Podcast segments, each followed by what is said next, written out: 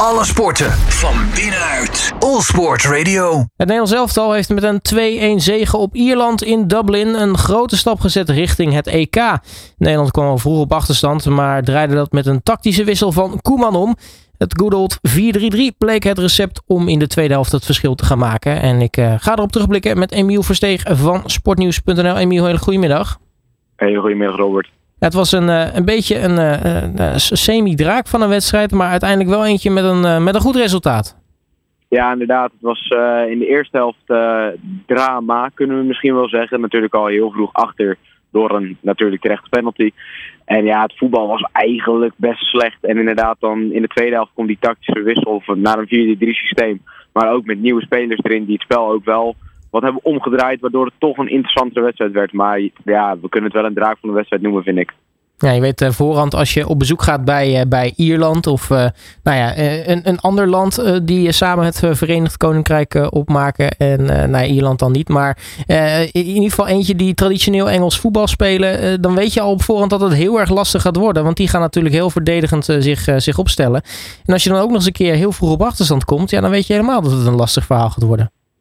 Ja, en dan is het uh, geluk dat we zelf ook een penalty meekregen. Door het uh, weer toedoen van Denzel Dumfries. Die deze interlandperiode het gewoon heel goed gedaan heeft.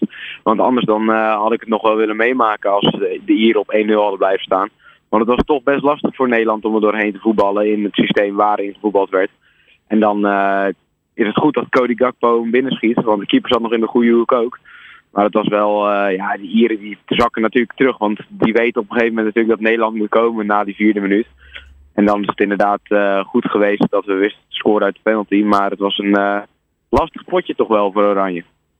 Nou, het, het was inderdaad lastig. Uh, die, die, die omzetting hè, die Koeman dan gedaan heeft.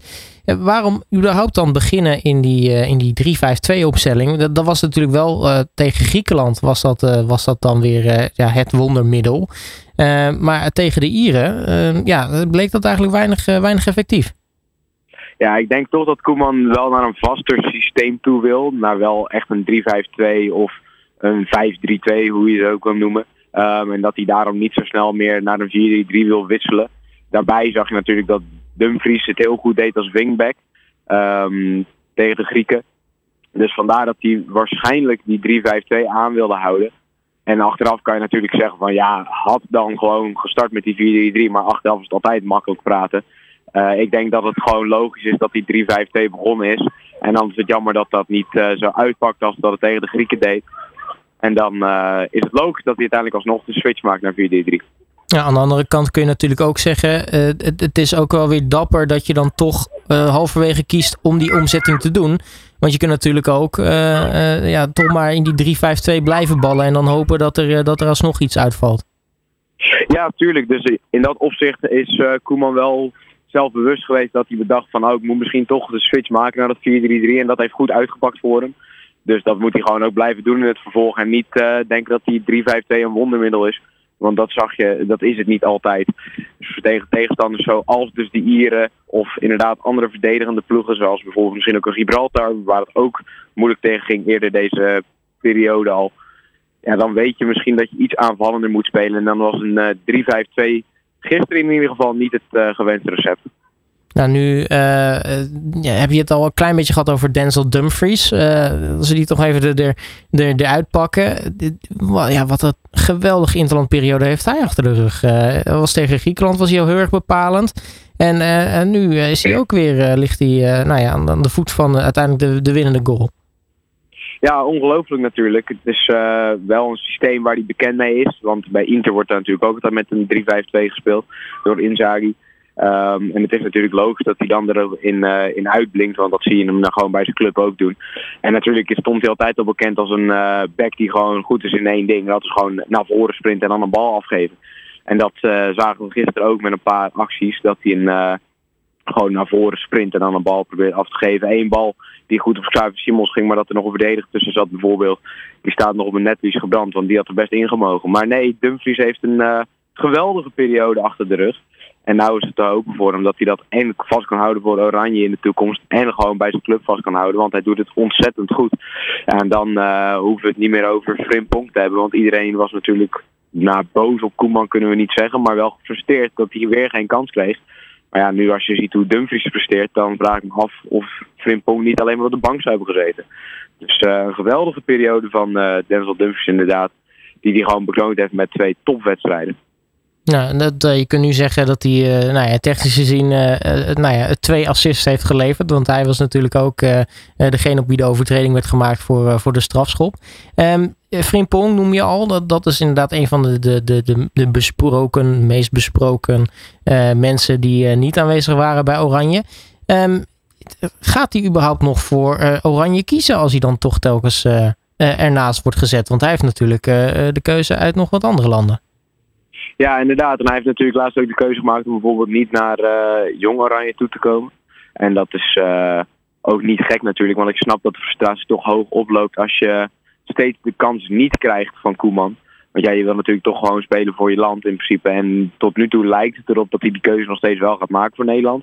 Maar ja, hij heeft nog niet gespeeld. Dus tot die tijd kan hij natuurlijk gewoon nog voor een ander land kiezen. En dat zou natuurlijk ook niet gek zijn. Want je ziet het natuurlijk met zat andere voetballers die voor Nederland hadden kunnen kiezen, die dan uiteindelijk toch voor een ander land kiezen. Dus ik hoop stiekem toch van wel dat hij er nog uh, bij komt. Want het is natuurlijk gewoon een hele talentvolle jongen die het bij uh, Bayer Leverkusen gewoon ontzettend goed doet. Dus ik hoop stiekem dat hij uh, toch nog wel opgeroepen gaat worden. En Koeman gaf natuurlijk ook aan waarom hij er nu niet bij was. En dat was ook wel een beetje om te straffen dat hij voor Jong Oranje niet wilde spelen. Dus ik hoop dat Koeman snel zich toch bedenkt en hem toch wel een keer mee gaat nemen. Zodat hij in ieder geval dan niet nog een andere keer voor een ander land kan kiezen.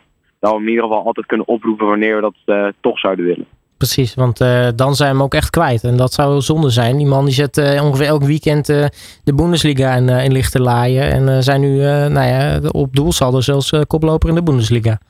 Ja, inderdaad. Dus het zou zonde zijn als Koeman met verzuimt om hem een keer mee te nemen. Want dan, wat, je, wat we net al zeggen, dan zou hij nooit meer voor Nederland spelen. Dan zou hij misschien voor een ander land kunnen kiezen. En dat zou natuurlijk echt doodzonde zijn. Nou, dit was in ieder geval een wedstrijd waar op voorhand uh, uh, natuurlijk werd naar gekeken. Als in dat ging nog wel een heel lastig karwei worden. Nou, we hebben drie punten. Dus nu zes uit, uit twee deze interlandperiode. dat brengt Nederland naar, naar plek twee in de, de WK-kwalificatie. En, of EK-kwalificatie. En zo zijn we toch ineens een, een, stuk dichter bij dat, dat EK. Ja, en dat is ook wel de bedoeling natuurlijk. Het uh, leek even spannend te worden na de eerste interlandperiode waar we eigenlijk wanprestaties leverden. Frankrijk natuurlijk, de eerste wedstrijd, die ging je natuurlijk niet winnen met een nieuwe bondscoach erbij en zo. Maar dat we tegen Gibraltar toen zo'n wanprestatie leverden um, in de Kuip, dat was wel slecht. Dus het is uh, fijn dat Koeman het nu in ieder geval op de rit lijkt te hebben. En het is hopen dat ze dat vast kunnen houden als Oranje. Want uh, ja, we moeten gewoon naar het EK natuurlijk. En dat is ook gewoon wel een wens die ik uh, uitspreek. Dat we gewoon naar het EK toe gaan met uh, dit elftal. En als daar straks misschien nog een Depay bij komt of een Wijnaldum of zo. Als die überhaupt nog op worden geroepen, die jongens. Dan hoop ik toch dat die sterkhouders er weer zijn om ons naar het EK te voetballen. En dat is toch wel een fijn vooruitzicht dat, het nu, dat we nu op een tweede plek staan. Zeker, want uh, ja, de duidelijkheid, uh, we, zijn er zeker nog, uh, nog lang niet. Ik bedoel, nou ja, Frankrijk verliezen en eventueel Griekenland uit niet, niet winnen. En dat ziet er zomaar heel erg anders uit. Maar goed, dat is voor latere zorg. volgende interlandperiode is natuurlijk in, in oktober pas. dat duurt nog een maandje. Um, ja, mag ik in ieder geval hartelijk danken voor, voor je tijd, Emiel. En nou ja, ik hoor volgens mij dat je een beetje ziek bent, dus ik zou zeggen beterschap. Ja, dankjewel. Dat uh, komt helemaal goed. Jullie bedankt weer voor je tijd en nog fijne uitzending. Alle sporten van binnenuit. All Sport Radio.